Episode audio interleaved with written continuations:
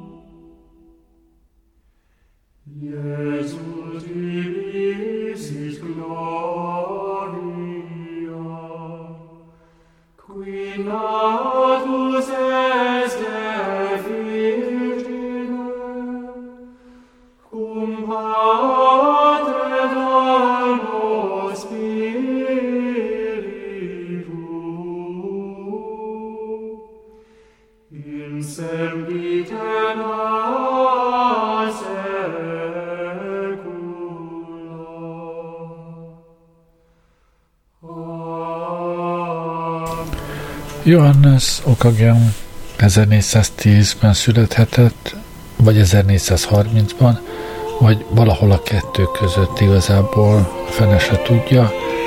Nagyjából ennyire biztosak az életrajzi adatai fiatal korából, úgyhogy vannak itt mindenféle mondások, hogy kivel tanulhatott, meg, meg hol élhetett, meg hol születhetett. Ezeknek a megbízhatósága hát legalábbis kétséges.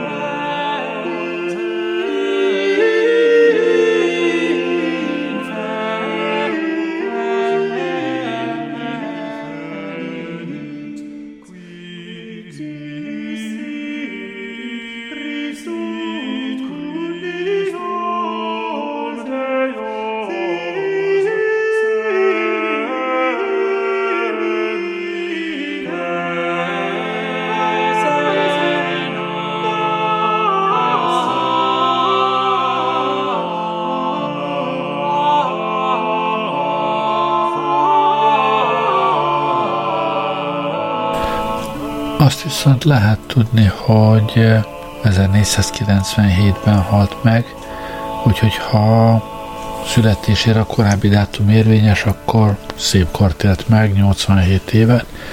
Ezzel együtt nem volt egy nagyon termékeny szerző, legalábbis olyan nagyon sok darabja nem maradt ránk.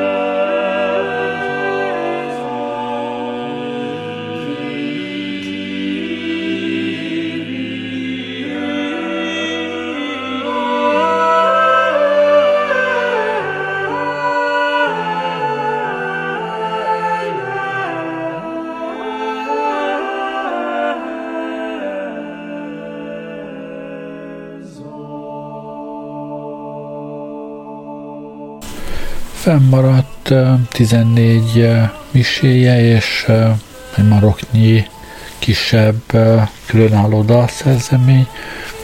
Egyébként az egyik miséjét halljuk most éppen. A miséinek a nagy része egy vatikáni kódexben maradt ránk egyébként.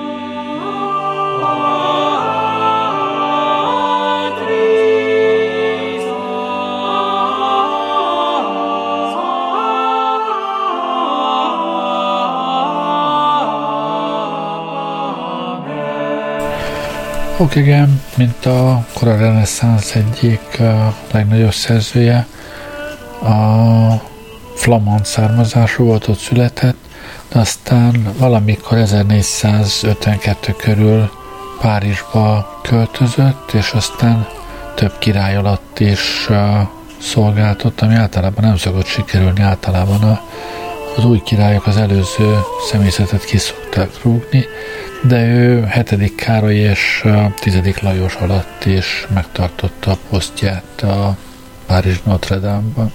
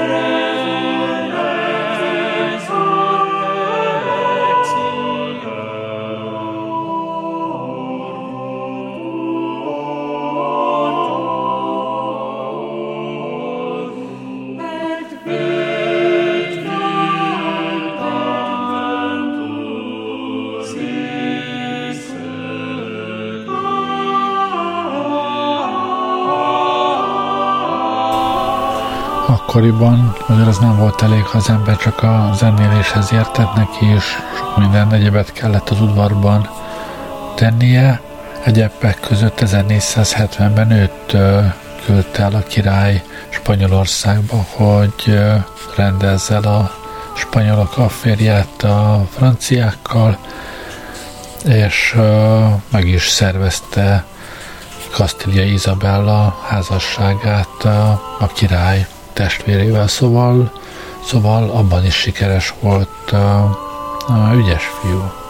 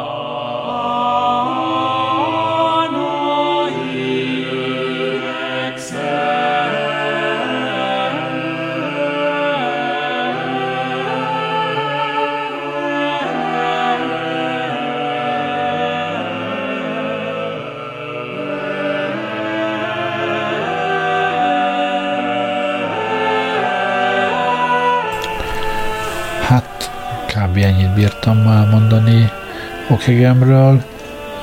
Még az Agnus Dei tétel hátra van a miséből, azt még hallgassuk meg, de én már elköszönök. Köszönöm, hogy velem voltatok ma este. Jó éjszakát kívánok, Gerlei Rádiózó.